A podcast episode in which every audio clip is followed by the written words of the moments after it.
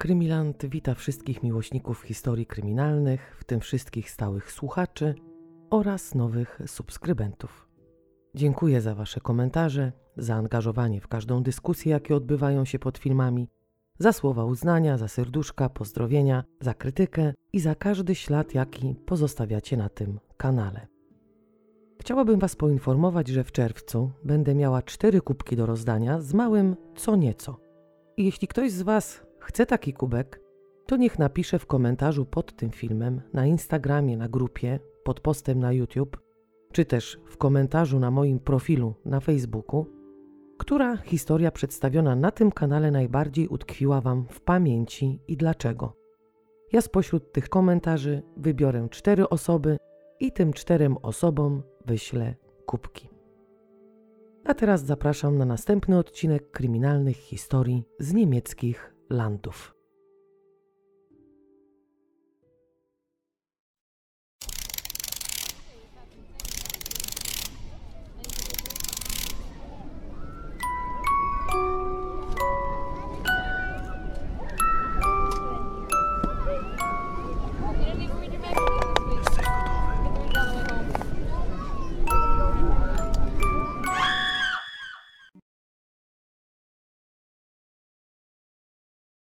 Dziś znajdziemy się w Berlinie, największym mieście w Niemczech. Nie muszę mówić, że Berlin jest stolicą tego państwa, bo to każdy wie.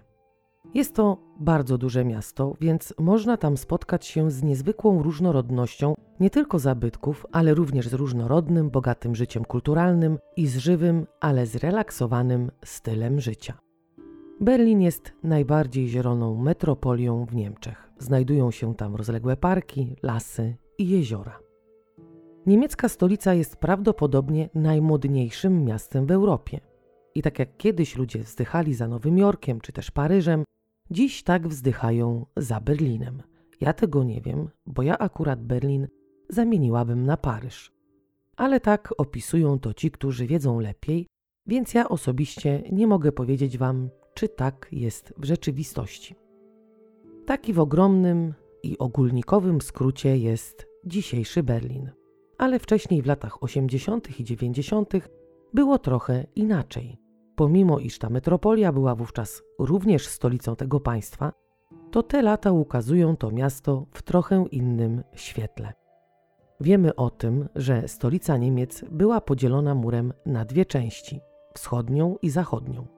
Zachodnia była niemiecka, a wschodnia, można powiedzieć, tak na pół gwizdka należała do tego kraju. Już pominę tutaj akcję z walącym się murem, który dzielił nie tylko państwo na pół, ale dzielił również ten naród. My się skupimy dziś trochę na innej tematyce dotyczącej cudów techniki, jakim jest telefon, komputer, przeróżne chipy i związane z tym hakowanie i freakingowanie. Tak sobie to słowo spolszczyłam, ale chodzi o freaking. Ale żeby wszystko było jasne, to jak zawsze zacznę od początku. Znajdujemy się w Berlinie, w jednej z jego części, która nazywa się Gropiustadt.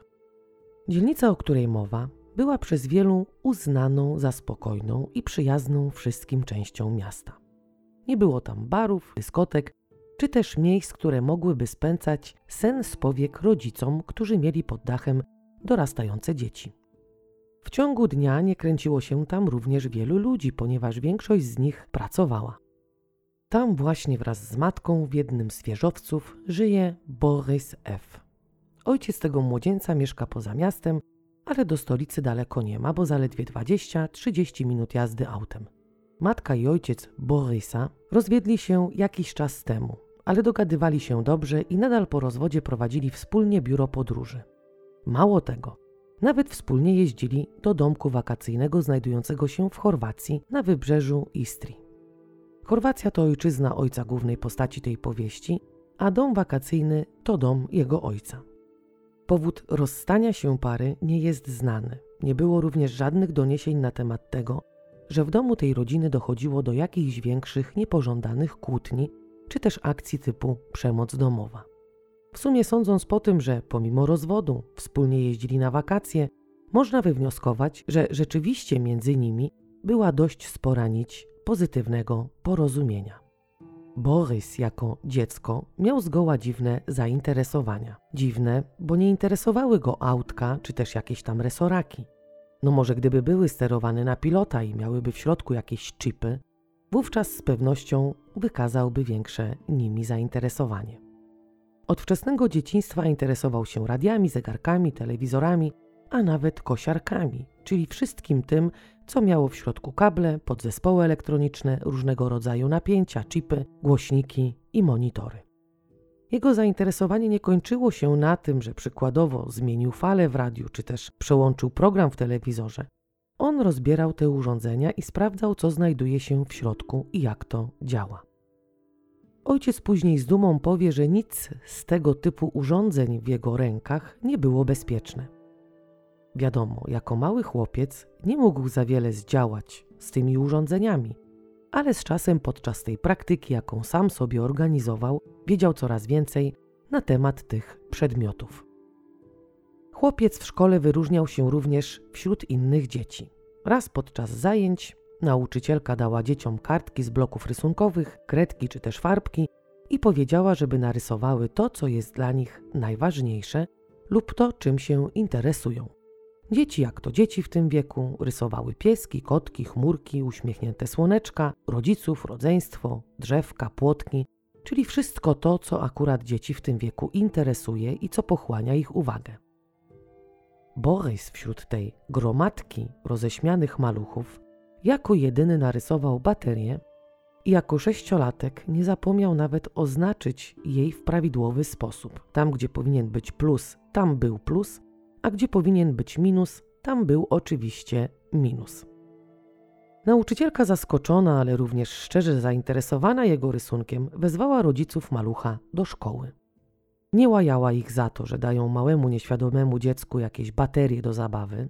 Ona wręcz z ogromnym zainteresowaniem słuchała o tym, jak rodzice w pewnym sensie nie dają sobie rady z małym wszędobylskim chłopcem zainteresowanym urządzeniami, jakie znajdują się w domu. Dzieciak im wszystko rozkręca i nic nie może się znaleźć w obrębie jego wzroku, jak i rąk, bo przedmiot, który cieszy się zainteresowaniem dziecka, nie wróci już do nich w takim stanie, w jakim chcieliby, żeby wrócił. Nauczycielka, nie kryjąc pewnego zafascynowania, powiedziała rodzicom, że być może mają pod swoim dachem złote dziecko, które jest szczególnie uzdolnione i, i powinni robić wszystko, żeby te jego zainteresowania rozwijać. Ludzie słysząc o uzdolnionych dzieciach często myślą, że dla tych maluchów nie będzie większych trudności w nauce. Ale świadectwa Borysa nie są takie, na jakie można by było patrzeć z zafascynowaniem. Po rzuceniu okiem na oceny od razu było wiadomo, co go interesuje. A były to przede wszystkim przedmioty techniczne, z których otrzymywał te najwyższe oceny. W opinii nauczycieli był taką typową wiercipiętą, wyróżniającą się nadaktywnością ruchową. Był spokojny i skupiony, kiedy coś gdzieś tam dłubał, grzebał, w czymś rozkręcał, przekręcał, ale kiedy tylko miał zająć się czymś innym, przykładowo czytaniem i pisaniem, to już niestety nie szło mu zbyt dobrze. Kiedy bohater tej historii kończy dziesiątą klasę, nie kształci się dalej, nie idzie w kierunku matury, co oczywiście było ważne dla jego rodziców. No i chyba dla każdego rodzica jest ważna edukacja jego dziecka. On nie był jednak na ten moment zainteresowany dalszą nauką, bo według niego uczenie się było nudne, a na zajęciach nie dotyczących tego, czym się interesował, czuł się jak ktoś, kto nie powinien w ogóle tam być. Nie siedział jednak na garnuszku rodziców, szukał praktyk, chciał wyuczyć się jakiegoś zawodu i nie myśląc o nauce, chciał iść do pracy. Praktyki znalazł na Politechnice Berlińskiej. Uczelnia prowadzi szkolenia w kilku zawodach. Przeznaczone są do tego specjalne warsztaty, laboratoria i biura. Wybór jest duży, bo jest tam 150 stanowisk dla praktykantów dostępnych w 17 zawodach. Można wyuczyć się tam nakreślarza technicznego, asystenta laboratorium chemicznego, mechanika przemysłowego, ślusarza i wiele, wiele innych.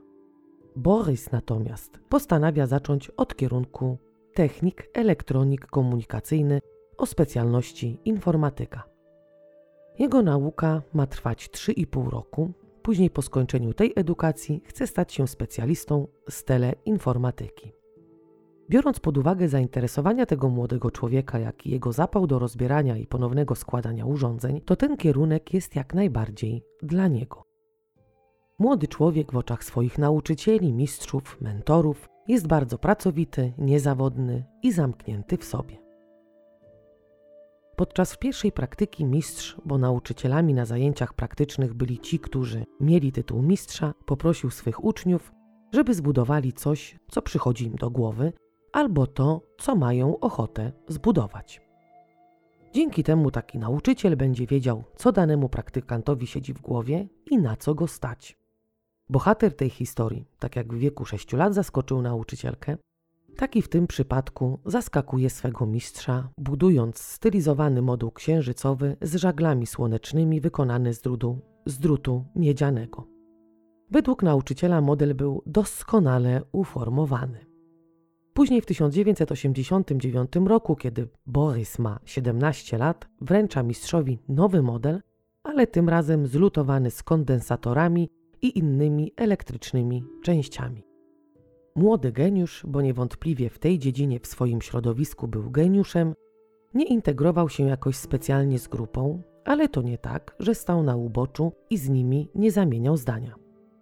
On, pomimo iż był samotnikiem, nie rezygnował z prac grupowych czy też copiątkowych imprez sportowych, ale nie miał, można powiedzieć, przyjaciela, z którym mógłby pogadać na temat swych zainteresowań. Jakoś go chyba nie do końca rozumieli. On, pomimo iż starał się udzielać w grupie i nie rezygnował z imprez sportowych, nie brał udziału w wycieczkach szkolnych, ponieważ wolał te pieniądze, które zostałyby wydane właśnie na taką wycieczkę, wydać na coś, co mu się akurat przyda, czyli przykładowo na dysk twardy do swego komputera. W końcu przychodzi taki moment, w którym na drodze tego młodego człowieka staje inny młody człowiek, który ma, można powiedzieć, takie same zainteresowania. Podczas tych praktyk zaprzyjaźnia się z Manuelem i zostają najlepszymi przyjaciółmi. Według innych są jak bracia, jak papuszki nierozłączki. Manuel, według opinii innych, był podobnie do swego przyjaciela wycofany i zamknięty w sobie, co prawdopodobnie bardziej ich połączyło. Nie bardzo wiem, z czego wynika ta opinia mówiąca o wycofaniu, ale taką opinię wydali nauczyciele. Manuel przez swoje młode życie przeszedł przez kilka operacji. Czego te operacje dotyczyły, nie wiem, jednak jego sprawność była w pewnym sensie ograniczona. Inni określali to w taki sposób, cytuję, po operacjach pozostał nadal chory. Przyjaciele trzymali się razem i kiedy dochodziło do jakichś spornych sytuacji, Manuel nie kozaczył, wolał się nie wychylać i według innych chował się za plecami Borysa, bo ten nie miał problemów z tym, żeby stanąć i stawić czoła komuś, kto ich w pewnym sensie jakoś tam werbalnie czy też w inny sposób zaatakował. No takie sytuacje w szkołach się zdarzają, niezależnie od tego, w jakim roku szkolnym się do tej szkoły chodziło. Przyjaciele, mimo tej wspólnej miłości do informatyki, różnią się od siebie. Młody geniusz jest zdecydowany, ma jasno określone plany na przyszłość, wie co będzie robił i czym się zajmował. Manuel natomiast nie może określić swej przyszłości, nie ma jakichś szczególnych planów z nią związanych. Podobnie z nastawieniem do życia. Borys był takim typowym niepoprawnym optymistą, a Manuel nie dzielił tego optymizmu ze swoim przyjacielem. Różnie można na to patrzeć. Być może choroba i te liczne operacje nie pozwalały w pewnym sensie młodemu człowiekowi widzieć przyszłości w optymistyczny sposób. Może to też zależeć od osobowości. Pomimo tych różnic w postrzeganiu świata, dogadywali się świetnie, bo jak już wiemy, mieli te same zainteresowania i wspólnie eksperymentowali na różnych urządzeniach. Raz nawet zbudowali kartę chipową, za którą mogli jeść za darmo w stołówce uniwersyteckiej. Każdy orze jak może, jedni powiedzą, że byli przestępcami, bo oszukiwali, jakby nie było, to można, to co zrobili, można podpiąć pod kradzież i równie dobrze nazwać ich złodziejami, ale fascynaci, którzy podobnie do tych dwóch młodych ludzi są zainteresowani takimi rzeczami, mogą patrzeć na to pod całkiem innym kątem. I według nich nie będą to złodzieje, tylko w pewnym sensie geniusze i spojrzenie na nich będzie pozytywne. Nie możemy również zapomnieć, że to był przełom lat 80. i 90. Dziś może budowa takiego chipu to pestka, ale wówczas może tak nie było. Tego nie wiem, nie budowałam chipów, mogę jedynie lutować podzespoły elektroniczne i składać kable do przeróżnych urządzeń, jak i je podłączyć. Ale takiej tajnej wiedzy na temat chipów niestety nie posiadam. Bohater tej historii kończy szkołę przed terminem z bardzo dobrym wynikiem, a co za tym idzie, uzyskuje zaawansowaną kwalifikację wstępną do Wyższej Uczelni Technicznej w Centrum Inżynierii Komunikacyjnej wyższego poziomu w Berlinie Gesundbrunnen. Tam również zdaje maturę i następnie rozpoczyna studia w zakresie informatyki technicznej ze specjalizacją w elektronice na ówczesnej Wyższej Szkole Technicznej również w Berlinie. Dziś jest to Uniwersytet Nauk Stosowanych Bojta. W 1982 roku przyszły informatyk obejrzał film pod tytułem Tron. Są wśród nas słuchacze, którzy wiedzą o jakim filmie mówię, ale są pewnie też ci nie mający pojęcia, co to za produkcja.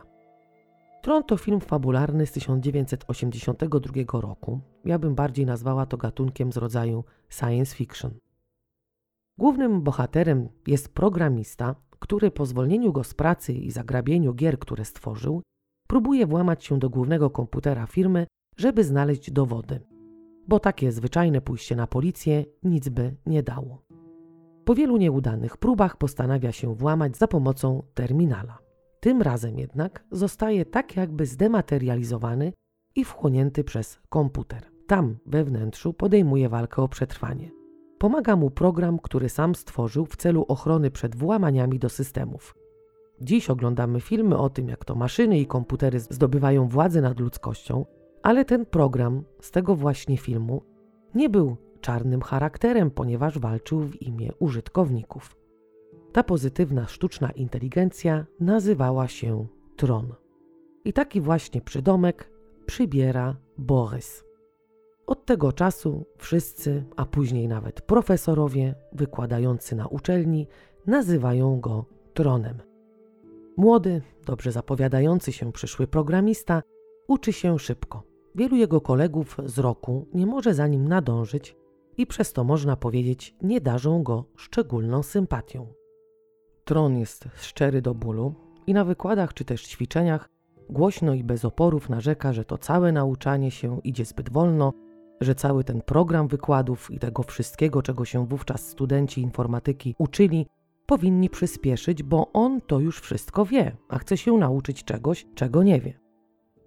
Przez te właśnie uwagi, przez tą jego niecierpliwość, jak i to, że rzeczywiście wiedział więcej niż program nauczania chciał przekazać, stał się takim trochę wykluczonym ze świata studentów. Uważano go za nerda i między sobą tak go nazywano. Nerd to ktoś, kto ma fiksację na punkcie nauk ścisłych, informatyki i gier komputerowych. Ja osobiście podziwiam takie ścisłe umysły, choć z matematyką nie radziłam sobie źle, ale nie byłam znów takim orłem w tej dziedzinie. Po prostu robiłam wszystko, żeby wyjść na czwórę czy trójkę z plusem, bo już otrzymanie piątki to była misja niemożliwa. Może dlatego, że mnie znów interesowała inna tematyka, ale wszystkie umysły ścisłe były dla mnie niezbadanym i nieosiągalnym terytorium, do którego mieli dostęp tylko wybrani. Po tych jego głośnych uwagach dotyczących zbyt wolnego tempa nauczania, jego koledzy studenci, którzy nie mogli za nim nadążyć, obrażają się na trona i nie chcą mieć z nim nic wspólnego. Nie rozmawiają z nim, nie współpracują, ale to też dlatego, że chyba go częściowo nie rozumieją. Ich denerwowało nie tylko to, że on robił wszystko lepiej i szybciej, ale również to, że zawsze miał innowacyjne sposoby na rozwiązanie pojawiających się problemów, które spędzają sens powiek nie tylko studentom, ale również innym profesorom. Konkretnie chodziło o algorytmy dla programów graficznych, z którymi wszyscy mieli problemy. Jak już tutaj wspomniałam, nawet profesorowie. Tron natomiast bez problemów napisał program w Assemblerze i miał wszystko pod kontrolą. Jako jedyny na uczelni poradził sobie z czymś, z czym nie radzono sobie od jakiegoś czasu. Także to jego gadanie, że to o czym uczą nie jest dla niego nowością, nie było tylko rzucaniem słów na wiatr. Była nawet taka grupa studentów, która chciała wziąć w tym udział, w tym pisaniu programu w Assemblerze, ale był od nich dużo lepszy i szybszy. Także można powiedzieć, mieli w cudzysłowie powody, żeby go nie lubić. Tron był samotnikiem, przyjaźń z Manuelem trwała, ale tylko Borys studiował, więc na uczelni był sam. Sam stał pod salą, sam jadał lunche, sam ze sobą w myślach rozmawiał. W końcu geniusz poznaje studenta Syryjczyka, z którym przez jakiś czas chodzi na wykłady. Dogadują się i w pewnym sensie Syryjczyk, mimo, mimo to, iż jest krok za tronem, to próbuje mu dorównać. Jednak po jakimś czasie nowy kumpel Borysa też już nie jest w stanie zrozumieć tego, co robi tron i co siedzi w jego głowie. A co za tym idzie, nie mogą już znaleźć wspólnego języka. Zatem kończy się również i to kumplostwo. Jeden z profesorów wykładających na uczelni zauważył od razu, że tron miał legastenię, czyli mówiąc krótko, dysleksję. Teraz będzie trochę o dysleksji i ludzie, którzy nie chcą tego słuchać, będą mieli podaną czasówkę pod filmem. W latach 80. i 90. ten termin praktycznie nie istniał. Dlaczego praktycznie? Bo o dysleksji wspominano już na przełomie XIX i XX wieku. Ale można powiedzieć, badania na ten temat szły bardzo powoli, czyli teoretycznie coś tam wiedziano, ale praktycznie nie za dużo. W latach 80. i 90. nieśmiało wychodziło na światło dzienne to, że dzieci, które mają problemy z czytaniem i pisaniem, nie są upośledzone, bo takie postrzegano i w wielu przypadkach kierowano do szkół specjalnych. Od razu zaznaczam, że to nie tak, że dzieci nie potrafiące czytać i pisać nie są dziećmi upośledzonymi. Tu chodzi o dyslektyków, choć również są i takie przypadki, że rzeczywiście dziecko z tym zaburzeniem ma pewien stopień upośledzenia. To zaburzenie, bo nie jest to choroba, sprawia, czy też może wpływa na rozwój wielu talentów u dzieci. Nie wszyscy dyslektycy rozwijają te same talenty, ale łączy je kilka cech wspólnych.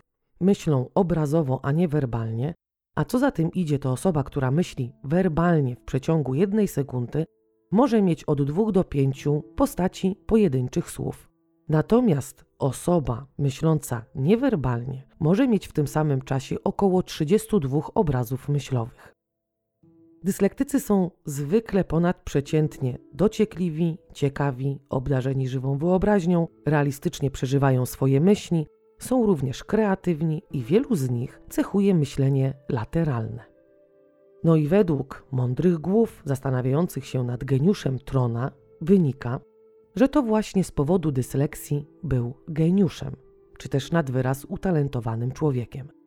Także drogie mamy, czy też drodzy tatusiowie, mający pod swoim dachem dyslektyków, starajcie się rozwijać talenty u swych pociech. Nie wylewajcie morza łez, nie tłumaczcie się przed innymi negującymi dysleksję, bo z reguły są to ludzie, którzy nie chcą zapoznać się bliżej z tym zaburzeniem.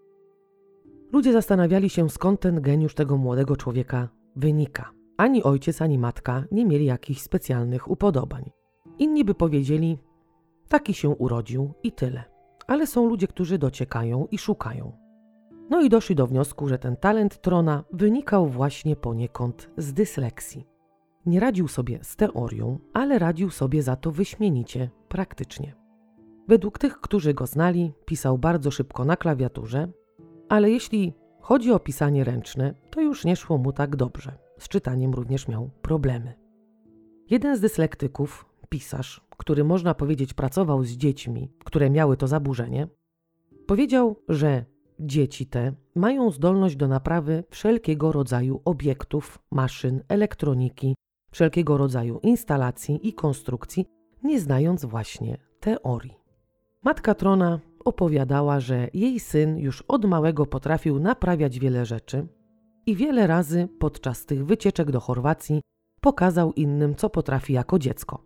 Raz nawet mieli wypadek, dość poważny. Autokar z powodu pęknięcia opony wpadł w poślizg i pomimo iż nikomu nic się nie stało, to wypadek mógł zakończyć się tragicznie.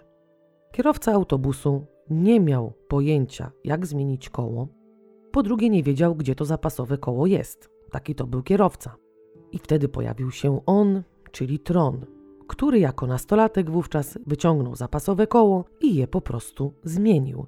Wiadomo, nie dźwigał autobusu na swych barkach, mieli do tego narzędzia, ale tak naprawdę to on wówczas doprowadził pojazd do takiego stanu, że można było nim bez obawy dalej podróżować. Podobnych sytuacji było wiele, więc ci, którzy wraz z rodziną F podróżowali do Chorwacji czy też innych krajów, mówili, cytuję, w rękach miał śrubokręt zamiast smoczka. Matka nie zgadza się z opinią nauczycieli jej syna, którzy mówili, że jest on wycofany, stojący na uboczu. Ona twierdzi, że jej syn był chętny do działania i niemożliwe jest to, że w szkole tak go postrzegano. Podczas tej nauki na Politechnice w Berlinie studenci musieli znaleźć sobie praktyki. Tron wybrał firmę, którą założyli pracownicy byłego ośrodka badawczego transportu w byłym NRD. Było to Centrum Automatyzacji Procesów. W tym czasie, kiedy młody, dobrze zapowiadający się student wybrał tam praktyki, firma specjalizowała się w opracowywaniu urządzeń do testowania monet, testowania oceny i transakcji płatniczych. Takimi urządzeniami zainteresowane były wówczas banki, firmy transportowe oraz operatorzy automatów serwisowych i bankomatów. Firma mieściła się po tej drugiej stronie nieistniejącego już wówczas muru. Oczywiście chodzi o ten mur, który dzielił miasto, jak i państwo na pół, czyli po wschodniej stronie Berlina. W tygodniu Tron mieszkał z ojcem, który właśnie z tej strony poza Berlinem miał mieszkanie, a w weekendy młody człowiek mieszkał z matką. Kierownik działu, w którym właśnie miała się odbywać nauka praktyczna Trona, wspomina później, że pierwszego dnia Borys wszedł do jego biura i zaczął zadawać mu pytania na temat kart chipowych. Mężczyzna, który uznawał pracujących tam specjalistów za profesjonalistów, uznał, że młodzieniec jest po prostu zainteresowany tematyką chipów i zabezpieczeń. Po dwóch jednak pytaniach, które zadał mu praktykujący młody człowiek, kierownik, który sam był jednym ze specjalistów, uznał, że ten student wie więcej niż oni wszyscy razem wzięci. Powiedział również, że on był najlepszy ze wszystkich, lepszy nawet od producentów tych wszystkich kart chipowych. Podczas tych praktyk szef działu dochodzi do wniosku, że młody student może przydać się tej firmie, ponieważ firma jest młoda i dąży do nieszablonowych rozwiązań. A z takich właśnie nieszablonowych rozwiązań słynął bohater tej historii. Zaproponował więc młodemu praktykantowi pracę po skończeniu studiów. Ten jednak odmówił. Tron w trakcie tej nauki Zbudował urządzenie, dzięki któremu można było przeczytać to, co zostało zaprogramowane na takiej karcie chipowej. Urządzenie było autorstwa Trona i dziś nazywałoby się czytnikiem kart. Szef działu rozwoju, cały czas mówi o firmie, w której praktykuje Borys, z ciekawości pokazuje młodemu człowiekowi kartę bankomatową, podobną do tej wydanej przez Centralny Komitet Kredytowy Banków. Pokazał kartę, nie ujawniając żadnych szczegółów na temat dotyczących jej wykonania. Tron bez problemów powiedział mu, jak została wykonana i zachowywał się tak, jakby już sam ją stworzył. Według tych ludzi młody, dobrze zapowiadający się geniusz był głodny wiedzy i według nich pożerał wszystkie możliwe na ten temat informacje. Boris to typ człowieka, który bez oporów opowiadał o tym, co robi. Tak jakby nie zastanawiał się nad tym, że to co robi, to jakby nie było łamanie prawa, czyli popełnianie pewnego rodzaju przestępstwa, które w tamtych czasach może jeszcze nie zostało uznano, uznane jako takie. Podczas urlopu pojechał z rodzicami do Chorwacji, tam zauważył, że są już budki telefoniczne na karty chipowe. Te budki na te karty nie dawały mu spokoju. Chciał wiedzieć, jak to działa, co jest w środku i jak zostało to zbudowane. Stało się tak, że jeden z jego kuzynów miał akurat zepsuty komputer Amiga. Urządzenie stało od paru dobrych miesięcy zepsute, bo nikt nie potrafił go naprawić, aż przybył Tron i zreperował zepsuty komputer. Później wraz z tą Amigą i akumulatorem samochodowym udał się do jednej z takich budek telefonicznych, i złamał oprogramowanie tego właśnie telefonu. Sam później wspominał, że nie trwało to dłużej niż naprawienie urządzenia, które zostało zepsute. Wielu jego profesorów, jak i tych, którzy pracowali z nim w trakcie jednej i drugiej praktyki, mówili jednogłośnie, że Tron był szczytem wśród pagórków i z technicznego punktu widzenia był po prostu geniuszem. Nie miał lewej i prawej ręki, tylko według innych miał dwie prawe ręce. Jak już tutaj słyszeliście wielokrotnie, tron był specyficzny. Skontaktowanie się z nim wymagało nie lada wysiłku. Dlaczego? Ponieważ rozmawiał on tylko z wybranymi przez siebie osobami, no i podczas tych rozmów dawał od razu swemu rozmówcy dość szybko do zrozumienia, czy go lubił, czy też nie darzył go zbytnią sympatią. I myślę, że to niekoniecznie wynikało z jego zadufania w sobie. Uważam, że, choć mogę się mylić, że może nie został odpowiednio zdiagnozowany. Pod koniec swego stażu Tron ponownie zabłysnął stworzeniem chipa, który miał czytać liczniki energii elektrycznej. To było, można powiedzieć, przedsięwzięcie na wysoką skalę. Chiny kusiły ogromną ilością zamówień, no i chodziło o ogromną stawkę, która opiewała o 6 zer. Wiele niemieckich firm konkurowało ze sobą o to zlecenie, ale nie było to takie łatwe, w sensie, że zrobienie takiego prototypu według innych nie było łatwe. Tron jednak bez większych problemów usiadł i stworzył prototyp takiego chipa. Nie wybiegał myślą w przyszłość jakoś nie patrzył na to pod kątem ekonomicznym. On liczył produkcję w trzech sztukach albo czterech. Ogólnie nie postrzegał tego wszystkiego jako coś, co można spieniężyć i się na tym nieźle dorobić. On patrzył na to pod kątem nauki. Pomimo starań i prezentacji, to zlecenie otrzymała inna firma.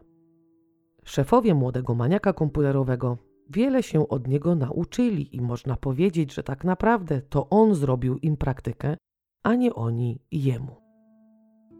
Nadszedł semestr zimowy i Tron właśnie w tym czasie zakończył studia pracą dyplomową, o której do tego czasu wiele się mówi i przedyskutowano na jej temat wiele godzin. Praca dyplomowa dotyczyła stworzenia kryptofonu, czyli telefonu ISDN, ze zintegrowanym szyfrowaniem. Mówiąc wprost, stworzył telefon, który uniemożliwia podsłuchiwanie rozmów. Ci, którzy wychowali się za panowania ustroju komunistycznego, wiedzą coś na temat rozmów kontrolowanych. To jednak pomimo tego, iż ktoś podsłuchiwał te rozmowy, nie było aż tak istotne dla normalnych zjadaczy chleba, ale dla ludzi, którzy pracowali w jakichś tam służbach, w jakichś urzędach wyższego szczebla, było to już coś. Prawdopodobnie nieoficjalnie w tamtych czasach stworzono kilka takich prototypów, ale tylko jeden został zbudowany oficjalnie przez właśnie młodego geniusza. Tron nie dokończył swej pracy dyplomowej. Mówiąc nie dokończył, mam na myśli to, że nie wypróbował działania tego prototypu, ponieważ gonił go czas i mówiąc szczerze, niedokończenie tego urządzenia było chyba jego największą porażką życiową. Otrzymał oczywiście najwyższy stopień za swą pracę i wykładowcy, jak i egzaminatorzy nie mogli wyjść z podziwu. To była do tego czasu w ich kadencji profesorskiej najciekawsza i najlepiej wykonana praca dyplomowa. Dodam jako ciekawostkę to, że ten właśnie prototyp kryptofonu wykonany przez strona znajduje się dziś w berlińskim muzeum. Po studiach Borys otrzymał wiele intratnych propozycji na bardzo dobrze płatne stanowiska pracy. Stety albo niestety wszystkie odrzucał, bo jak już wspomniałam, nie interesowały go pieniądze. Jak mówił swojej matce, wolał być swoim własnym szefem niż pracować u kogoś. Nadeszła sobota 17 października 1998 roku.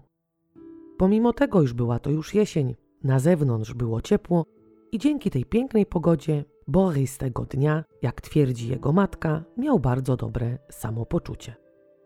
Około godziny 13 Tron odbywa rozmowę telefoniczną ze swoim przyjacielem. W międzyczasie jego matka przygotowuje obiad. Robi jedną z ulubionych potraw swego syna, jaką jest spaghetti z bazylią, ziołami i żółtym serem. Około godziny 14 po 26-latka przychodzi jego kolega i razem wychodzą z domu.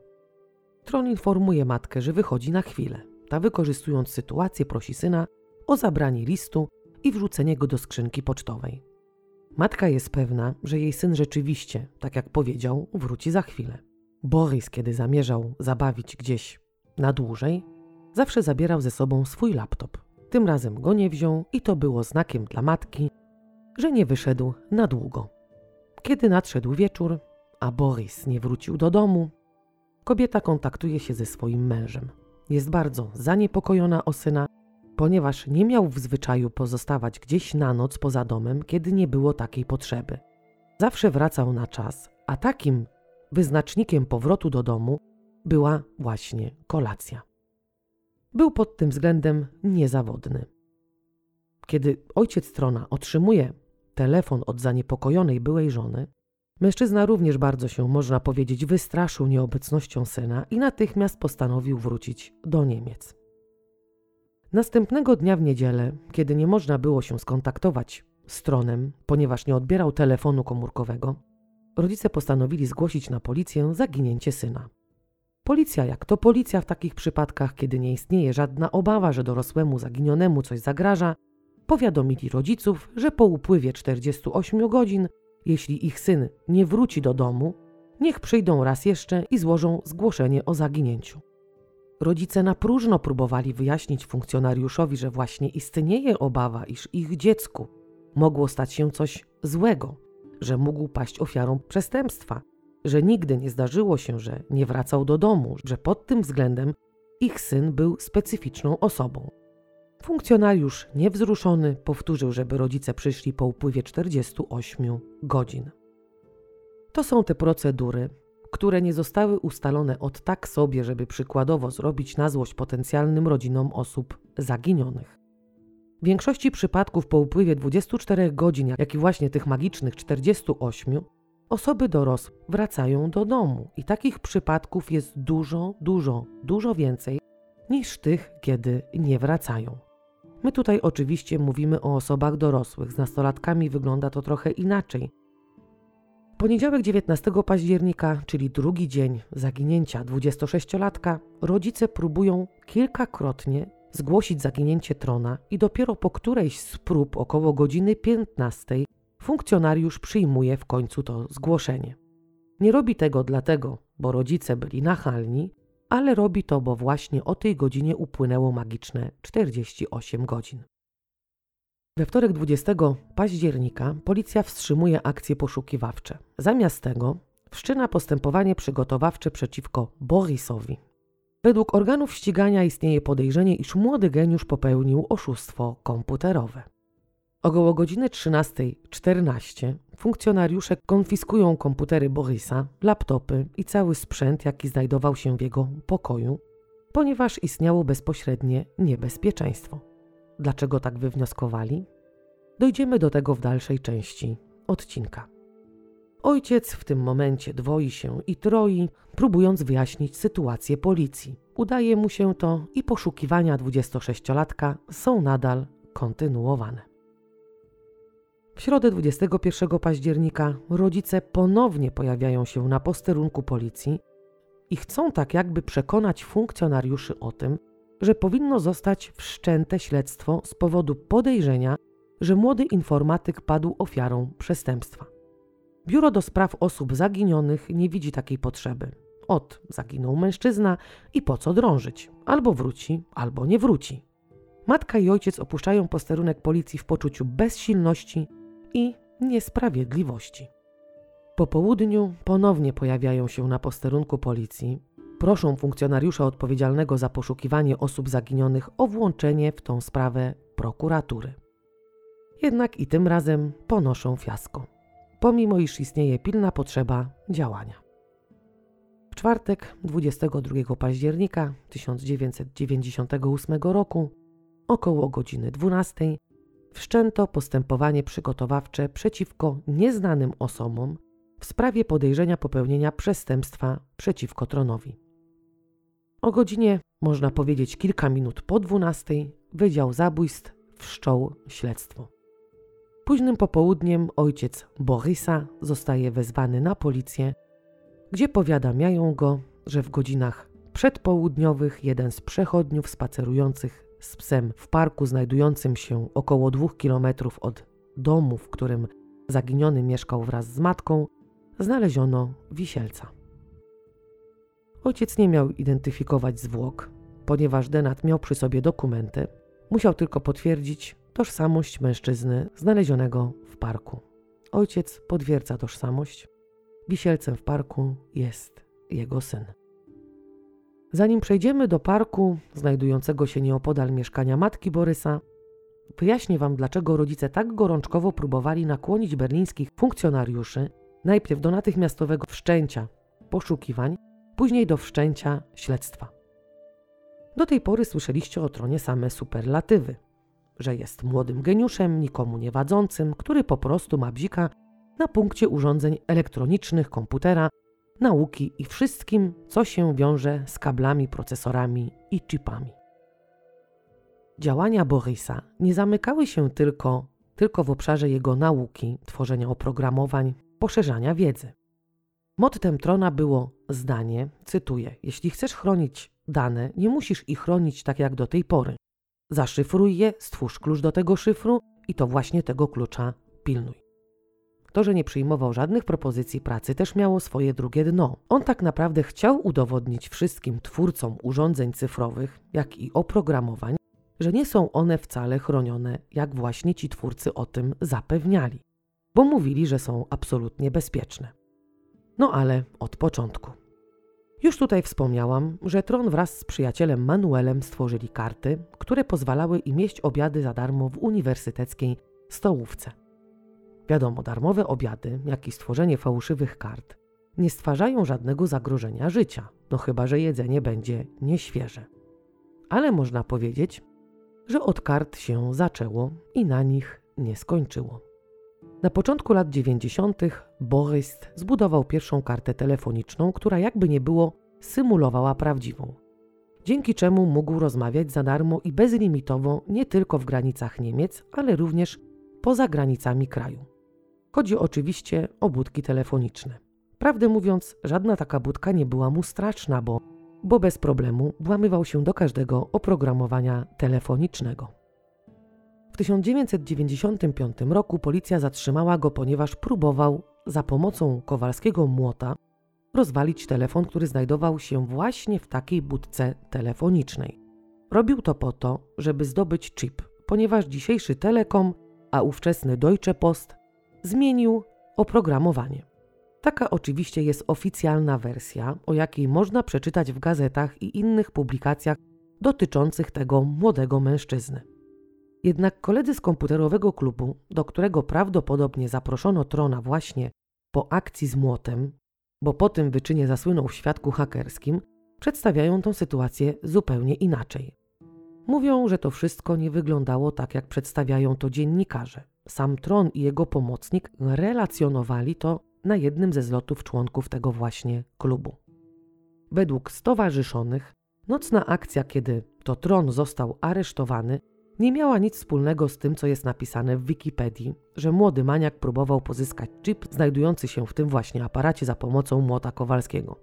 Celem było określenie specjalnego protokołu dostępu do sieci. To określenie miało być po to, żeby móc wykonać bezpłatne połączenia telefoniczne. A do tego Tron potrzebował chipa, który znajdował się właśnie w tym telefonie. Przekonał przyjaciela, aby ten mu pomógł, i w nocy podjechali autem w okolice właśnie omawianej budki telefonicznej. Tron nigdy nie rozstawał się ze swoimi narzędziami, które mogłyby mu pomóc przykładowo rozebrać takie urządzenie, taką torbę z takimi właśnie śrubokrętami wszelkiego rodzaju, małą lutownicą i małymi obcęgami, kabelkami, drucikami, miał zawsze przyczepioną do paska spodni. To była jego nieodłączna torba MacGyvera, dzięki której mógł dokonać rzeczy dla zwykłego zjadacza chleba niemożliwych. Nie potrzebował żadnych młotów kowalskich do tego, żeby się dostać do wnętrza jakiegokolwiek urządzenia. Bez większego wysiłku rozkręcił aparat telefoniczny, wyciągnął z niego chip, ponownie skręcił urządzenie i wrócił do samochodu. Podczas tego rozkręcania i grzebania we wnętrzu aparatu telefonicznego ludzie mieszkający w okolicy usłyszeli hałas. Tak to bywa z monitoringiem osiedlowym, wiedzą i widzą wszystko i zawiadomiono policję. Policja przyjechała nad wyraz szybko, co wręcz wszystkich zaskoczyło. Być może któryś z patroli był właśnie w okolicy.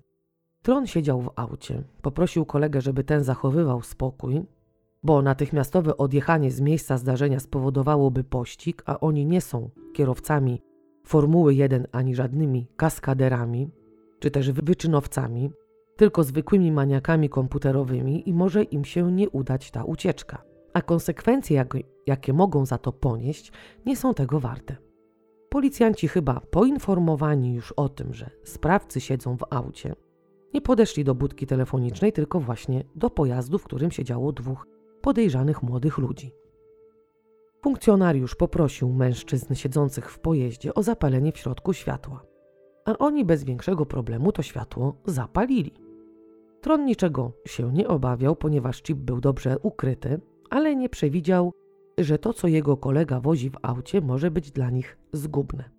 W pojeździe osobowym znajdowało się wiele urządzeń elektronicznych, kable i monitor, który właśnie pomocnik Borisa miał wcześniej naprawić, ale że nie wyjął go jeszcze z auta i jeździł tak z tym monitorem od kilku dni, to już jest inna kwestia. Policjanci uznali, że mają do czynienia z włamywaczami, którzy okradają mieszkania i natychmiast aresztowano dwóch starających się zachować spokój maniaków komputerowych. To był według bohatera tej historii najbardziej żenujący dzień w jego życiu. Dostał za ten wyczyn wyrok w zawieszeniu i od tamtej pory postanowił, że będzie się oczywiście włamywał, ale pozostanie niezauważony przez policję. I prawdopodobnie przez ten wyczyn stał się właśnie sławny w świadku hakerów i freakingerów. Berliński klub komputerowy, który zrzeszał właśnie jemu podobnych młodych ludzi. Oczywiście nie tylko wśród tych zrzeszonych byli sami hakerzy, ale byli też po prostu miłośnicy gier komputerowych, jak i samych komputerów, zaproponował mu dołączenie do tego właśnie klubu. Klub swoją siedzibę miał i ma do dziś w internecie i przez policję był uznany za grupę terrorystyczną, ponieważ kilka lat wcześniej włamali się do Sparkasse, niemieckiego banku, i przelali stamtąd na swoje konta 140 tysięcy marek. Pieniądze zostały następnego dnia zwrócone, ale niesmak właścicieli banków pozostał. Nie chcieli ich ukraść, ale mieli, można powiedzieć, niezły ubaw z tego, że udowodnili bankom, iż ich ochrona i zabezpieczenia nie są jakieś specjalnie trudne do przejścia. Wielokrotnie przeszukiwano mieszkania członków właśnie tego klubu, no i uznano ich wówczas za grubę terrorystyczną, bo numer z bankiem nie był jedyny.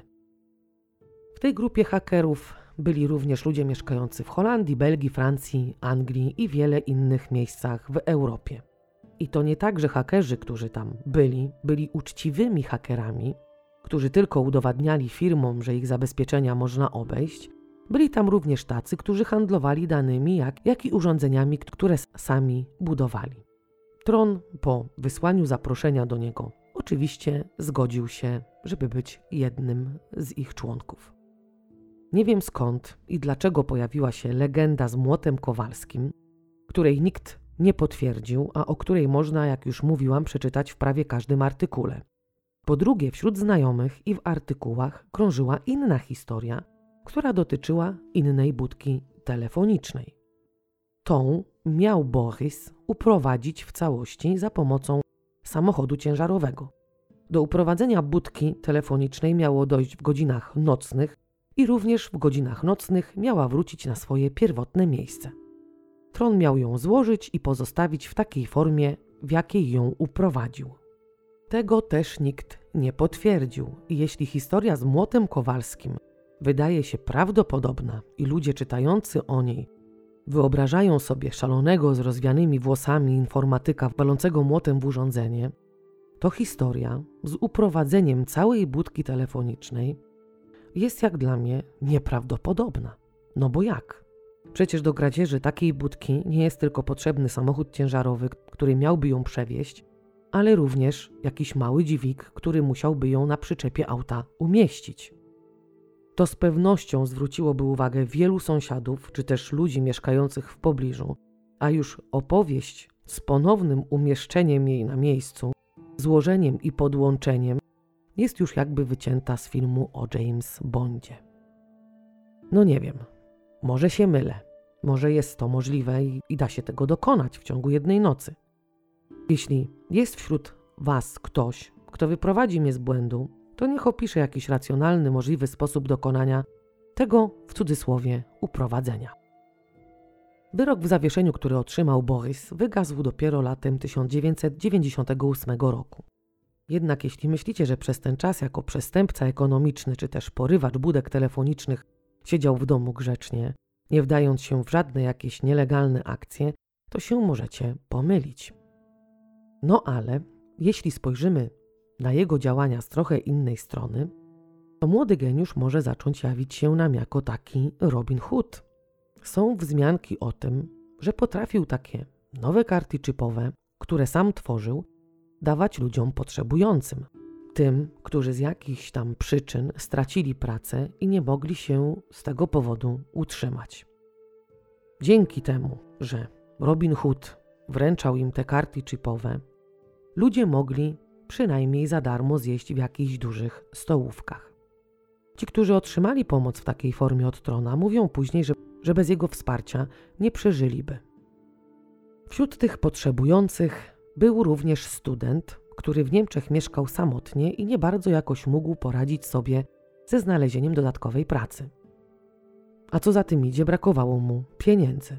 Według stowarzyszonych w klubie, Tron opowiadał później, że kiedy wręczył kartę studentowi, ten zalał się łzami ze wzruszenia. Dodał na koniec ironicznie, cytuję: Chyba pierwszy raz w zimnych Niemczech ktoś mu coś dał. Takich sytuacji z rozdawaniem fałszywych kart chipowych było wiele i w oczach obserwatorów młody maniak, haker mógł jedynie zyskać. No ale śmiechy śmiechami, zabudki telefoniczne nie pozbawia się ludzi życia, więc te jego budkowe przestępstwa nie robią jakoś na nikim specjalnego wrażenia. Nie tylko chipy z budek telefonicznych było w obrębie jego zainteresowań. On również łamał kody chipów, które znajdowały się w dekoderach płatnej telewizji. W latach 90. w Niemczech telewizja miała dekodery na specjalne chipy. Każdy klient, który chciał aktywować kanały abonamentowe, musiał zakupić karty chipowe od odpowiednich nadawców. Te cudowne karty miały być podłączane do czytnika dekodera i miały zwalniać wymagany program za pomocą tzw. Tak zarządzania subskrypcjami. Wiele razy i na wiele sposobów hakowano te przesyły strumienia telewizyjnego, a ja powiem Wam o tym, w którym Tron był, można powiedzieć, specjalistą. Poprzez te ataki na te chipy stworzono inteligentne karty, które posiadały dwa chipy. Pierwszy zarządzał tak zwanymi kluczami, drugi zapewniał, że karta była ważna tylko przez kilka tygodni. Dla hakerów dwa chipy nie sprawiały żadnego problemu. W znany tylko sobie sposób elektronicznie odseparowywali drugi chip od mikroprocesora, następnie został on odczytywany i zasymulowany. To odseparowanie powodowało możliwość przechwycenia sygnałów, które następnie wyłali, a to odbywało się za pomocą oprogramowania blokującego znajdującego się na inteligentnej karcie.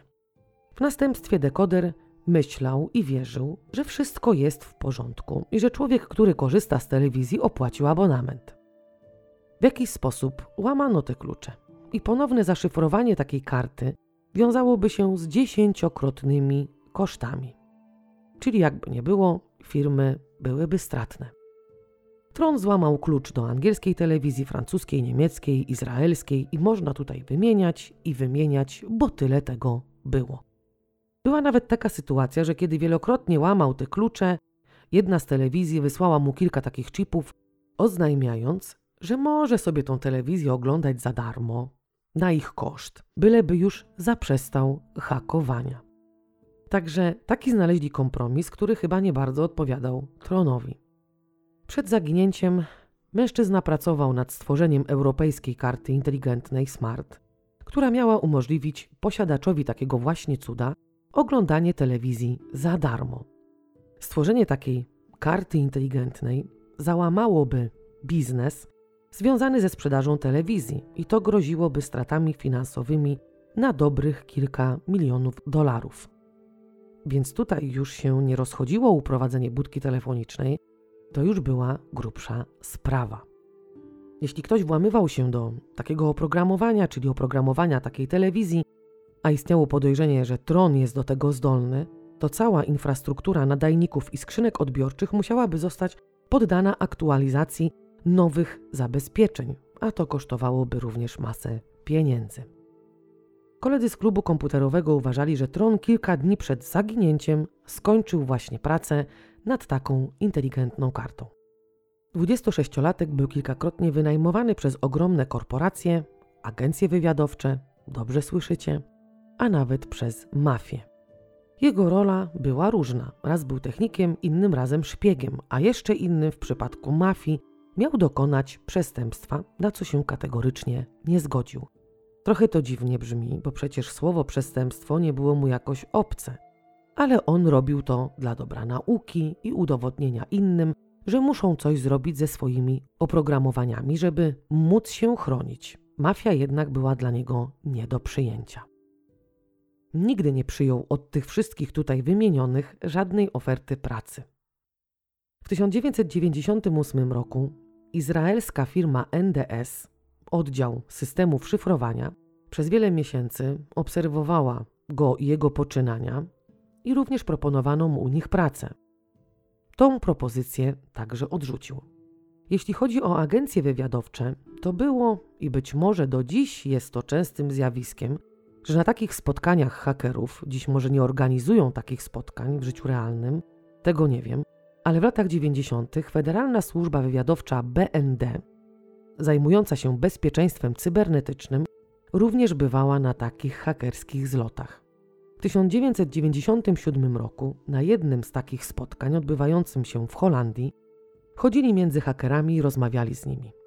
Tron wówczas narzekał, że nie można swobodnie rozmawiać i agenci rujnują całą atmosferę tego spotkania.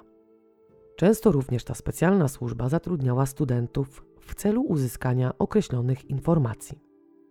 Borys, pomimo to, iż, jak tutaj już wspomniałam, otrzymywał wiele intratnych propozycji z wielu firm i agencji wywiadowczych, nie przyjmował ich ofert. Jak już wiemy, jego ulubionym zajęciem było hakowanie rzekomo bezpiecznych systemów.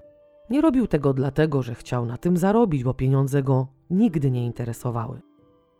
To było dla niego jak gra. Nie interesowało go również to, czy kto inny zarabia pieniądze na tym, co on już stworzył.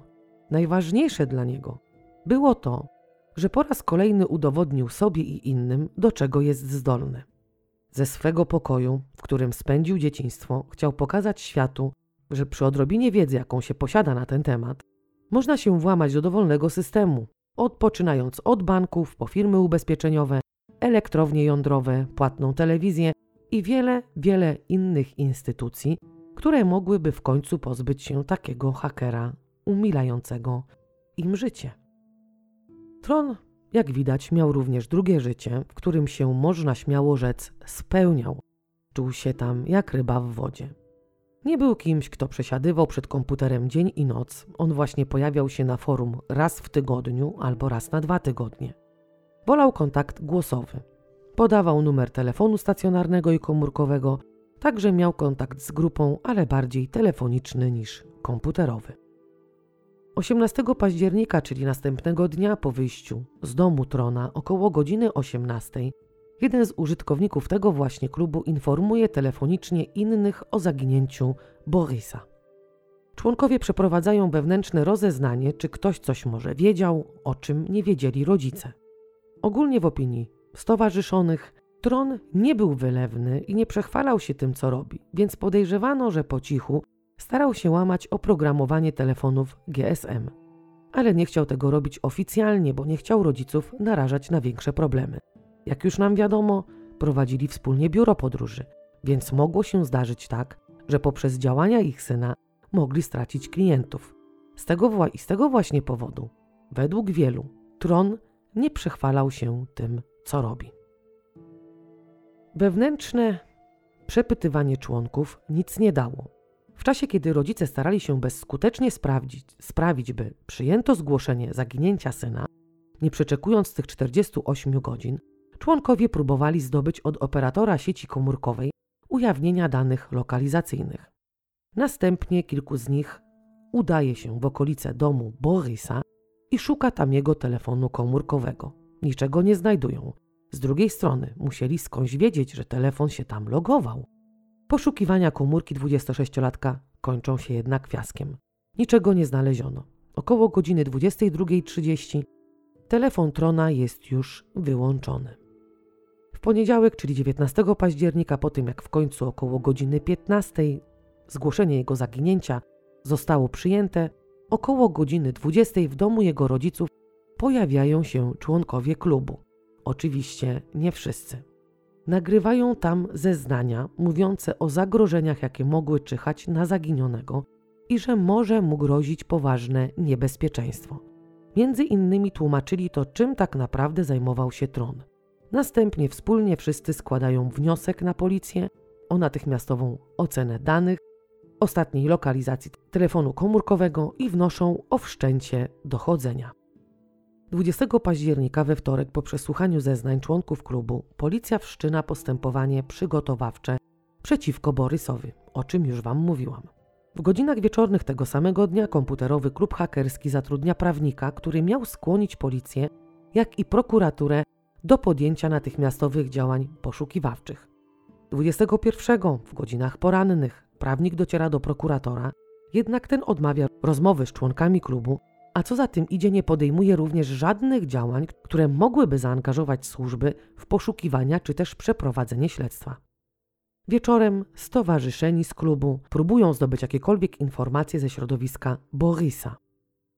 W taki sposób próbują się dowiedzieć czegokolwiek, czy może był z kimś umówiony, czy ktoś mu groził, czy czuł się zagrożony.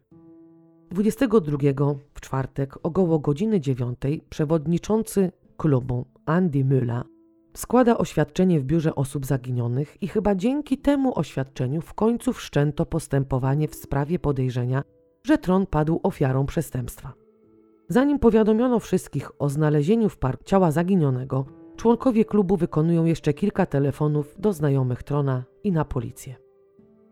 Borysa znaleziono wiszącego na gałęzi drzewa w parku znajdującym się około 2 km od domu, w którym mieszkał z matką. Wisiał na pasku od spodni, do którego końca przymocowany był drut, a drut był owinięty o gałąź w dość profesjonalny sposób. Jego stopy dotykały ziemi i według techników kryminalistycznych musiał z dość ogromnym impetem i siłą rzucić się do przodu, żeby pętla od paska zacisnęła się na jego szyi i żeby mógł się powiesić. Na ziemi obok jego nóg leżała jego torba z narzędziami, którą przymocowywał zawsze do paska znajdującego się w spodniach i telefon komórkowy. Z położeniem telefonu komórkowego można przeczytać różnie. Raz piszą, że znajdował się w kieszeni spodni, innym razem, że leżał wraz z torbą z narzędziami na ziemi obok stóp. Tron ubrany był w dżinsy i zimową kurtkę. W kieszeniach znaleziono jego dowód osobisty, pęk kluczy i 500 marek. W miejscu, w którym znaleziono ciało nieopodal stóp Denata, znaleziono kawałek drutu. Prawdopodobnie to był ten sam drut, który był przedłużeniem paska, na którym wisiało ciało. Według specjalistów drut był przecięty z obu stron i każde cięcie było wykonane jeden raz. To było zauważalne, ponieważ według przeszukujących miejsce znalezienia ciała cięcie było świeże. Na samym miejscu znalezienia zwłok specjaliści nie byli w stanie znaleźć żadnych śladów zbrodni ani środków, które mogłyby wskazać na udział osób trzecich. Mimo to śledczy zakładali, iż tron mógł zostać pozbawiony życia, a motywem mogło być tło zawodowe. Główny śledczy w raporcie z akcji badania miejsca zbrodni napisał, iż należy zbadać, czy na ubraniach i butach Denata znajdują się ślady kory lub mchu, ponieważ drzewo, jak i gałąź, na której wisiał Denat, było zarośnięte mchem. Napisał również, że należy sprawdzić, czy na drzewie znajdują się włókna z jego ubrania, które, które mogłyby wskazywać na to, że Denat sam się na to drzewo wspiął. Następnie należy zbadać pasek, szczególnie to miejsce, w którym drut został przymocowany, a to badanie miałoby na celu znalezienie śladów DNA czy też odcisków palców. Poszczególne końce drutu i narzędzia znajdujące się w torbie leżącej obok stóp Denata należy również zbadać w sposób porównawczy w celu ustalenia, czy końce drutu wcześniej należały do siebie i czy zostały odcięte przy użyciu narzędzi należących do Borysa. Czyli typowa procedura i można powiedzieć dobrze się zapowiadająca. Rodzice, znajomi i koledzy z klubu komputerowego nie wierzyli w samobójstwo. Dla nich było jasne, że 26-latek nie targnąłby się na swoje życie i że to jego całe powieszenie się jest działaniem osób trzecich. Śledczy prześledzili również dzień, w którym to ostatnio widziano trona żywego. 17 października 1998 roku około godziny 13.30 Borys wraz z matką zjedli obiad.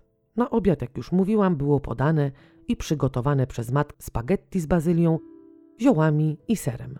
To, dlaczego o tym mówię, jest ważne i wyjaśnię w dalszej części tego odcinka. Następnie około 14 do Borisa przyszedł kolega. 26-latek informuje matkę, że wychodzi na chwilę. Ta korzystając z okazji daje mu list, żeby wrzucił go do skrzynki.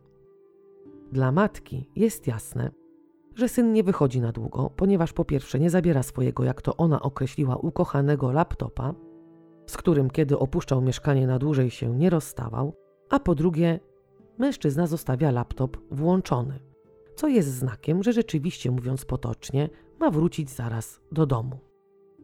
Wraz z kolegą idą wspólnie przez pewien odcinek drogi i około 14.10 rozstają się. 26-latek następnie wrzuca list do skrzynki i zmierza w kierunku bankomatu, z którego z konta swojej babci około 14.26 wypłaca 500 marek. To właśnie te 500 marek zostało znalezione w kieszeni jego spodni. Dla bliskich nie jest to nic dziwnego, ponieważ dość często to właśnie tron wypłacał swojej babci pieniądze. I to można powiedzieć jest ostatni ślad, kiedy widziano go żywego. W prasie pojawiły się artykuły informujące o znalezionych zwłokach wraz z krótkim opisem na temat zaginięcia. Policja za pomocą mediów i prasy zwróciła się do potencjalnych świadków z prośbą o to, że jeśli ktoś widział tego dnia mężczyznę żywego po godzinie 15, proszony jest o kontakt z posterunkiem policji. Wielu świadków zgłosiło się wówczas na policję, ale ich zeznania nie pokrywały się z tym, co już do tej pory ustalono. Wśród tych świadków był również kelner, który tego właśnie dnia w godzinach popołudniowych widział mężczyznę, który był podobny do Borysa, w towarzystwie dwóch innych mężczyzn. Ci dwaj byli w garniturach i cała trójka siedziała przy jednym ze stolików. Zamówiono trzy piwa i tron, jeśli to był on, był prawdopodobnie zdenerwowany i piwo, które zamówiono dla niego, nie zostało wypite. To pozostawienie piwa jest również konkretnym tropem, ponieważ Borys nie pił w ogóle alkoholu ani nie zażywał żadnych środków odurzających. Później mężczyźni opuścili bar. Prześledzono również logowanie się telefonu komórkowego Trona. Jak się okazało, przez czas jego zaginięcia, dopóki telefon był włączony, komórka logowała się cały czas na osiedlu, na którym właśnie mężczyzna mieszkał wraz z matką. Tak jakby wcale nie opuścił obrębu okolicy swego mieszkania. Borys według śledczych do nikogo nie dzwonił, ale za to dzwoniono do niego. Była to między innymi jego matka i znajomi z komputerowego klubu. Ten jednak nie odebrał żadnego z połączeń. Dzień po znalezieniu zwłok poddano ciało Denata autopsji. W raporcie z sekcji można przeczytać, cytuję, na szyi Denata znaleziono pas z czarnej skóry o szerokości 3 cm, którego wolny koniec został przeciągnięty przez sprzączkę pasa, tworząc pętlę. Wolny koniec pasa przedłużono solidnym kawałkiem drutu. Po zdjęciu pętli na szyi znaleziono odpowiednią bruzdę o szerokości prawie 3 cm, z której część była lekko zadrapana na brzegach. Odpowiednio na wewnętrznej stronie skórzanego paska znajdowały się małe kawałki przetartej skóry. Świat po pętli biegł od najniższego punktu na przedniej części szyi nad chrzostką tarczycy, wznosząc się symetrycznie po obu stronach szyi do najwyższego punktu w obrębie owłosionej skóry karku. Po lewej stronie i po zewnętrznej stronie lewej gałęzi żuchwy pojawiły się drobne szaro-brązowe przesuszenia. Te kończyły się łukiem na przejściu od lewej strony szyi do lewego wyrostka barkowego, ostro odgraniczonego. To ostre rozgraniczenie z grubsza odpowiadało kołnierzowi koszulki znajdującej się na zwłokach.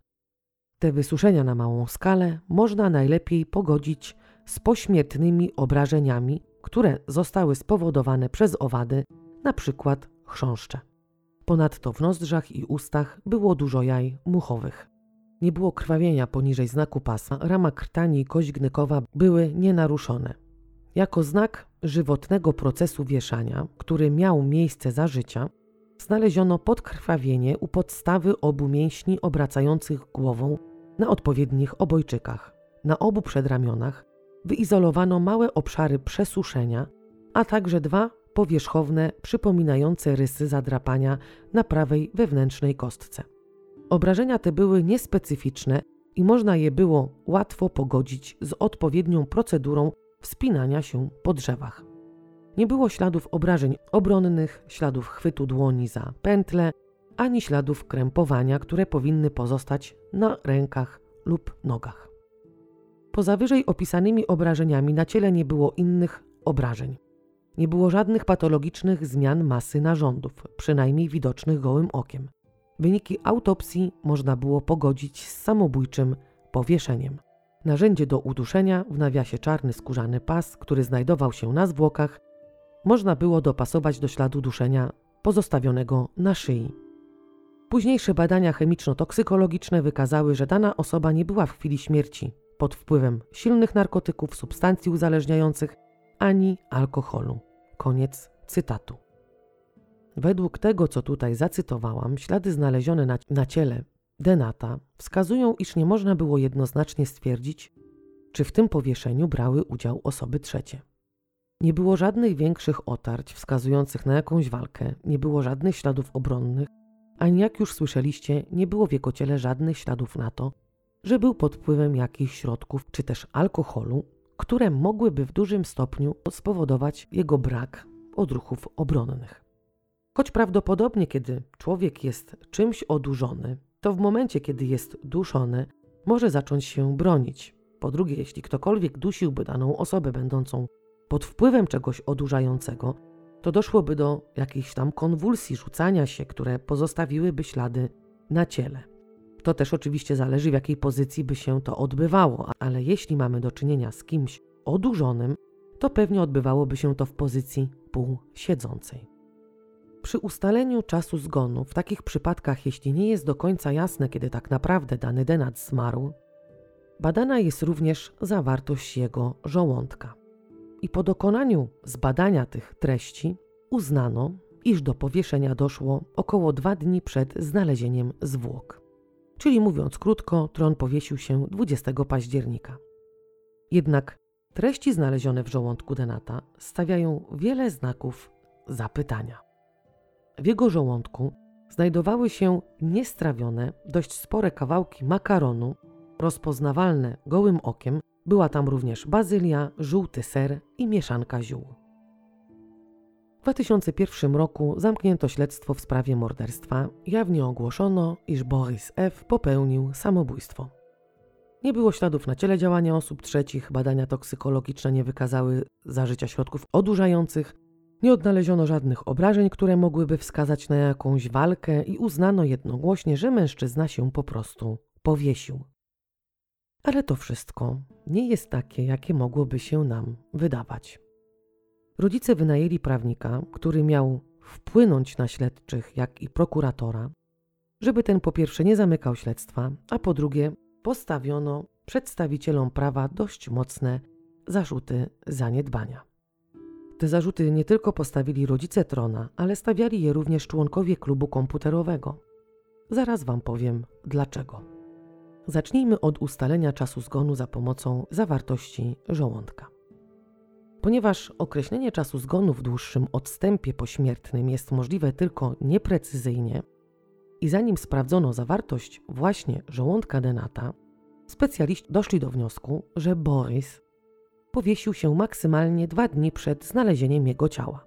Później, po zbadaniu zawartości żołądka, uznano, iż Denat zmarł maksymalnie trzy godziny po spożyciu posiłku. Nadal jednak utrzymywano, że do zgonu doszło 20 października. Przez te trzy lata rodzice biorący udział w śledztwie i trzymający rękę na pulsie, za każdym razem próbowali wpłynąć na śledczych, jak i prokuratora, żeby dokonywał dodatkowych badań. Po dokonanej sekcji zwłok uświadomili patologów, z którymi prowadzili korespondencję, że taki właśnie posiłek, czyli spaghetti z bazylią, serem i ziołami, ich syn jadł 17 października około godziny 13.30. I jeśli ten właśnie posiłek nie został strawiony, to czas zgonu powinien być ustalony na 17 października 1998 roku na godzinę 16.30 lub wcześniej. Patolodzy oczywiście przyjęli taką możliwość za prawdopodobną, jednak trzeba by było przeprowadzić dodatkowe badania chemiczne, które jasno udowodniłyby, że zawartość oceniona na oko przez patologów na makaron, bazylię, ser i zioła jest w rzeczywistości serem, makaronem i bazylią. Tych badań jednak nie przeprowadzono. Przyjrzyjmy się teraz ciału Borisa. Jeśli przyjęlibyśmy, że czas zgonu to 17 października, godzina 16.30, to przez te pięć dni ciało trona wykazywałoby już dość spore oznaki rozkładu. Tym bardziej, że pogoda, jak już wspomniałam, pomimo jesieni była piękna i temperatury na zewnątrz nie sięgały zera, były wyższe, co również miałoby wpływ na proces gnilny. Patolodzy przeprowadzający w pierwszej kolejności oględziny uznali, że po tym jak ciało wygląda, Dynat zmarł 20 października. A teraz, mając w głowie wiedzę na temat posiłku i bardzo możliwego czasu zgonu, który został ustalony na 17 października, jak to może być możliwe, że ciało zachowało się, można rzec, w tak dobrym stanie? Jest na to wytłumaczenie, które zostało uznane za jedną z teorii dotyczących śmierci Trona. Po przestudiowaniu dokumentów z autopsji, raportów ze śledztwa, skontaktowaniu się z innymi specjalistami, rodzice Borisa, prawnik rodziny, koledzy z klubu uznali, że jedynym możliwym wyjaśnieniem na zmniejszenie szybkości procesów rozpadu była metoda, która jest powszechnie stosowana przez patologów, czyli chodzi tutaj o chłodzenie ciała.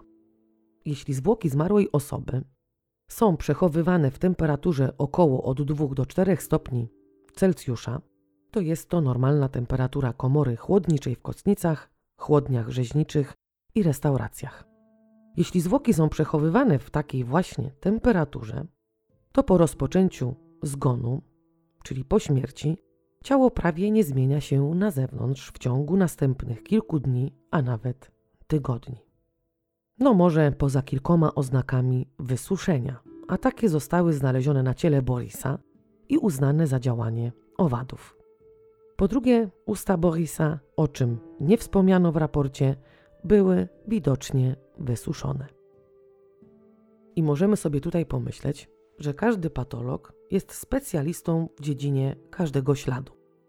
Jeśli taki patolog ma na przykład wątpliwości i uważa, że dany ślad jest na przykład oznaką działania owadów, powinien wysłać jakieś próbki do specjalisty, który się zajmuje właśnie takimi owadami i zapytać go o radę i o jego zdanie. To jednak w tej sprawie nie miało w ogóle miejsca. I to nie wszystko, co jest do dziś tematem spornym dotyczącym śmierci trona. Borys był szczupłym mężczyzną. Obwód jego pasa wynosił około 75 cm. Pasek, na którym się powiesił, według jego matki, nie należał do jej syna. Można powiedzieć, że zrozpaczona kobieta po śmierci swego dziecka nie dopuszcza do siebie myśli, że mógł on targnąć się na własne życie i nie poznaje paska, który jej syn nosił. Zresztą skąd miałaby wiedzieć, jakie paski kupuje dorosły mężczyzna i jak one wyglądają. W przypadku trona i jego często trudnego podejścia do wielu rzeczy, nosił paski, które miały 4 cm szerokości. Pasek nie mógł mieć mniej, ponieważ taka szerokość pomagała mu utrzymać torbę i narzędzia, jak i telefon komórkowy. Te rzeczy właśnie zawieszał na pasku. Co jeszcze było takim, można powiedzieć, śladem wskazującym na to, że pasek rzeczywiście nie należał do niego? To właśnie to, że miał dość wyraźne ślady zapinania go, zapinania go na jedną z dziur. Doskonale wiemy, że jeśli mamy określony obwód w pasie i nosimy taki pasek, to ten obwód na pasku nam się z czasem dość mocno odznaczy. No i w przypadku narzędzia zbrodni, na którym wisiał Borys, po zapięciu go i zmierzeniu obwodu okazało się, że należał do osoby, która w pasie miała około 96 cm, czyli o 21 cm więcej niż w obwodzie miał Denat.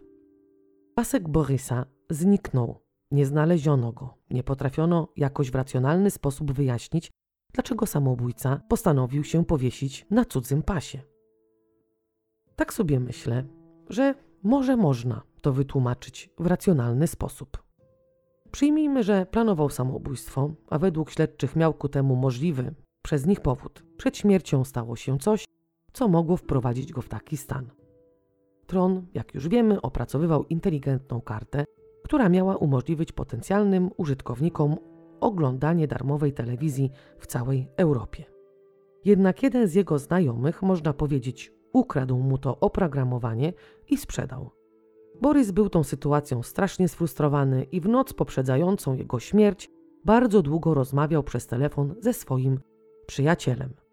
Mężczyzna powiedział, że Tron był strasznie zdenerwowany, załamany i czuł się oszukany. Przyjaciel próbował go uspokoić, jednak chyba mu się to nie udało. Ta sytuacja dała śledczym do zrozumienia, że to mogło mieć wpływ na podjęcie decyzji o samobójstwie. Jeśli już podjął de taką decyzję i wybrał sposób, w jaki tego dokona, mógł uznać po znalezieniu odpowiedniego drzewa, że potrzebuje dłuższego paska. No i z tego właśnie powodu mógł się z kimś nimi wymienić. Ale czy osoba grubsza zamieniłaby się na pasek, którym mogłaby się nie zapiąć? No bo każdy z takich pasów jest odpowiednio do obwodu albo dłuższy, albo krótszy. Więc jeśli Boris w obwodzie miał 75 cm, to jego pasek z pewnością nie pasowałby komuś, kto miał w obwodzie 96 cm.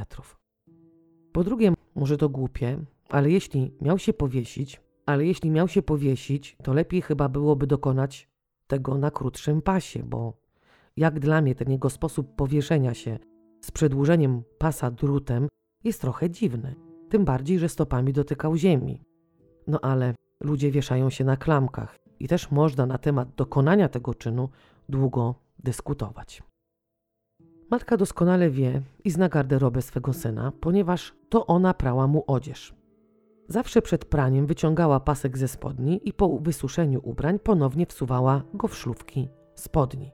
Także mogła ze stuprocentową pewnością stwierdzić, iż pasek nie należał do jej syna.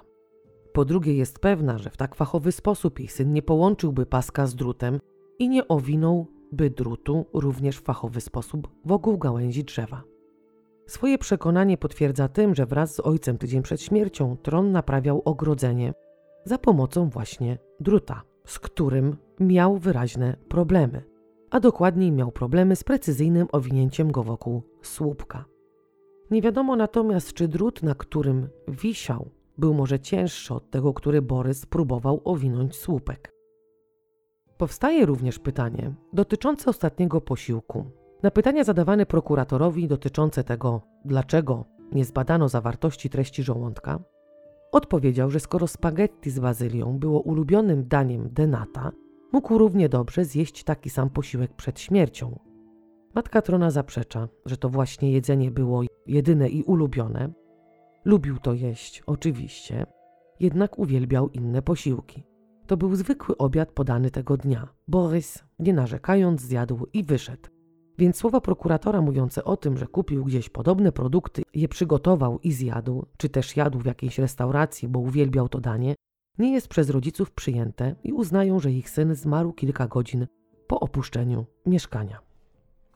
Co jeszcze jest takim dość znaczącym faktem, to właśnie to, że miejsce, w którym wisiał tron, jest miejscem dość licznie uczęszczanym. Nie tylko dlatego, że jest to park, ale również dlatego, że kilka metrów dalej znajdowało się wejście do metra.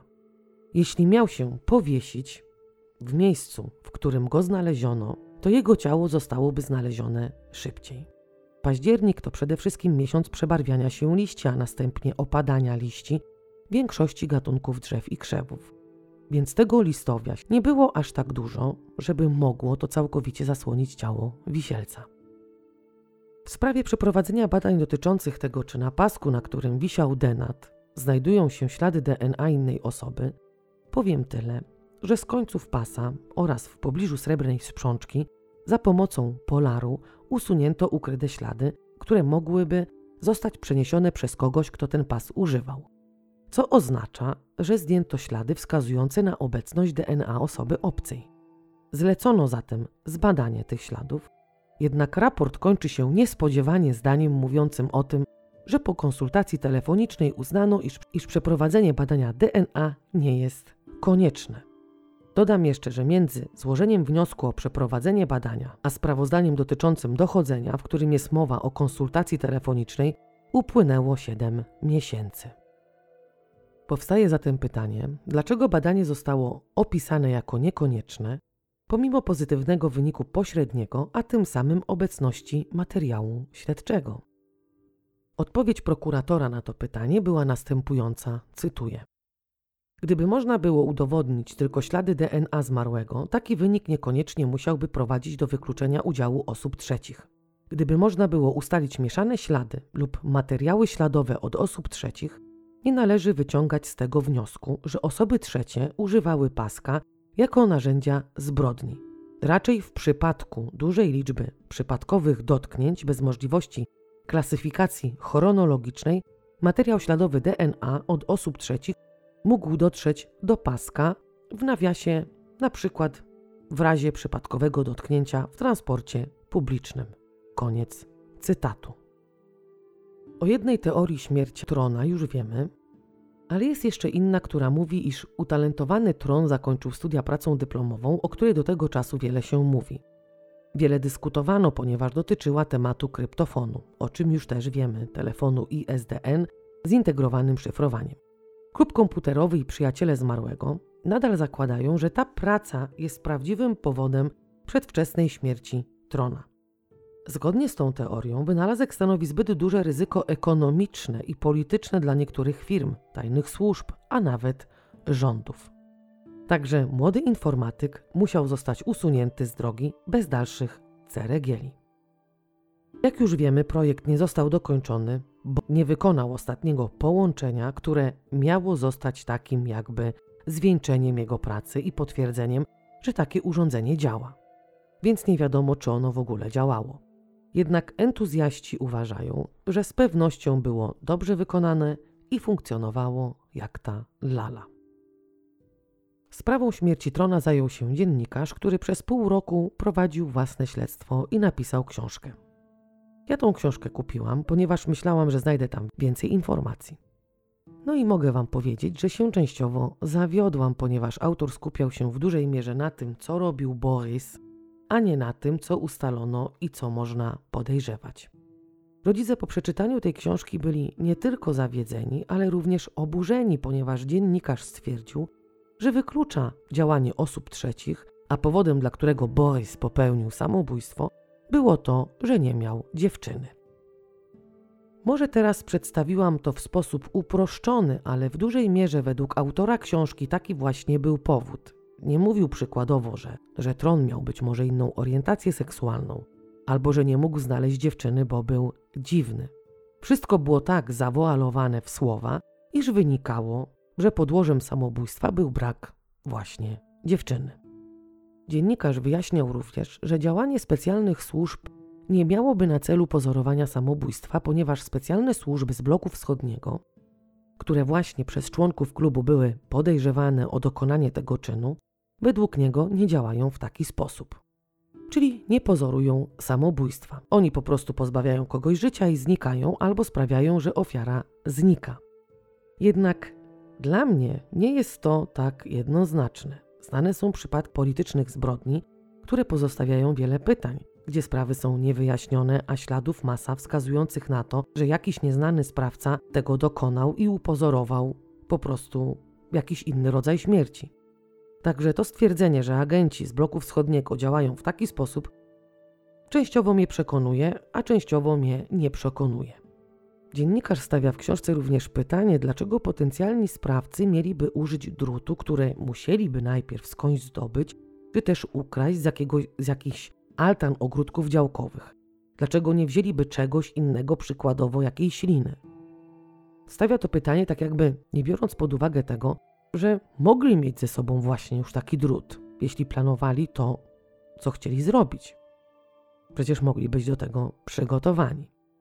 Mężczyzna pisze dalej o tym, że jeśli ktokolwiek miałby uprowadzić informatyka i chciałby go gdzieś przetrzymywać, to musiałby zrobić to siłą, ponieważ tron słynął z tego, że nie był kimś, kto tak lekko i łatwo poddaje się jakimś żądaniom. Jeśli coś mu nie pasowało, potrafił bez większych tłumaczeń wstać i wyjść.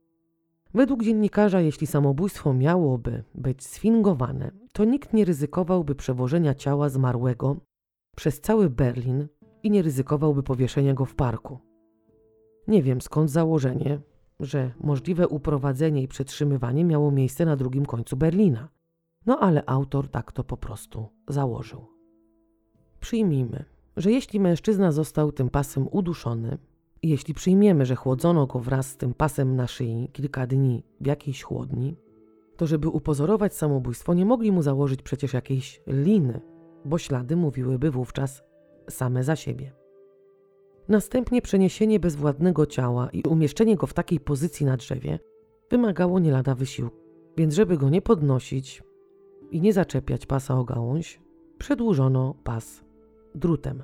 Taka opcja również może być możliwa. Autor książki, dziennikarz prowadzący śledztwo, skontaktował się, bo nie był to dziennikarz śledczy, skontaktował się również z mężczyzną mieszkającym w Izraelu, który wysłał tronowi około pół tuzina chipów w kopercie i oprócz tych chipów w kopercie znajdowała się również kartka, na której było napisane: To twoja przesyłka, powodzenia. Podczas korespondencji, którą prowadził dziennikarz, prawdopodobnie pytał mężczyznę, co to za chipy, po co te chipy, czy mężczyzna ma coś wspólnego ze śmiercią trona. Umieszczone zostały tylko odpowiedzi tego pana mieszkającego w Izraelu, które wyraźnie wskazywały na to, że korespondujący z nim stawia mu jakieś poważne zarzuty. Nie wiem dlaczego listy dziennikarza nie zostały pokazane światu. Może miał ku temu swoje powody. Mężczyzna tłumaczył, że dlatego wysłał taką ilość chipów, ponieważ zakup mniejszej ilości nie był możliwy. Tłumaczył, że nic nie wie na temat, dlaczego Borys miałby popełnić samobójstwo. Z tej korespondencji tak naprawdę nic nie wynikało. O sprawie dziwnego samobójstwa pisało wiele gazet w wielu krajach. Jednym z tych krajów był właśnie Izrael. Także można powiedzieć, że śmierć hakera poruszyła wszystkich, a może nawet ucieszyła, i skoro pisali o tym, to chyba wiedzieli doskonale, kim tak naprawdę był tron. W tej historii jest wiele znaków zapytania, dziwne i opieszałe podejście śledczych do badania śladów, jak i niechęć prokuratora do, wy do wydania nakazów. Jakby nie było, to wszystko jest trochę podejrzane, bo przecież, żeby wykluczyć samobójstwo, czy też je jednoznacznie potwierdzić, powinno się poprzeć jedno i drugie dowodami. A tutaj jest właśnie brak dowodów na udowodnienie w 100% popełnienia samobójstwa. Sami śledczy mówią o tym, że nie można jednoznacznie stwierdzić, że było to samobójstwo, jak i nie można jednoznacznie stwierdzić, że było to zaplanowane pozbawienie Borysa życia. My wiemy tylko o tym, co on robił, ale może robił więcej, o czym wiedzą tylko nieliczni, może były jakieś dowody na to, że rzeczywiście mu coś groziło, bo przecież bez takich dowodów policja nie podjęłaby czynności śledczych. Myślę, że my znamy tylko małą część tej historii. Teoria z przetrzymywaniem ciała Borysa w chłodni brzmi jak scenariusz z jakiegoś filmu kryminalnego albo szpiegowskiego.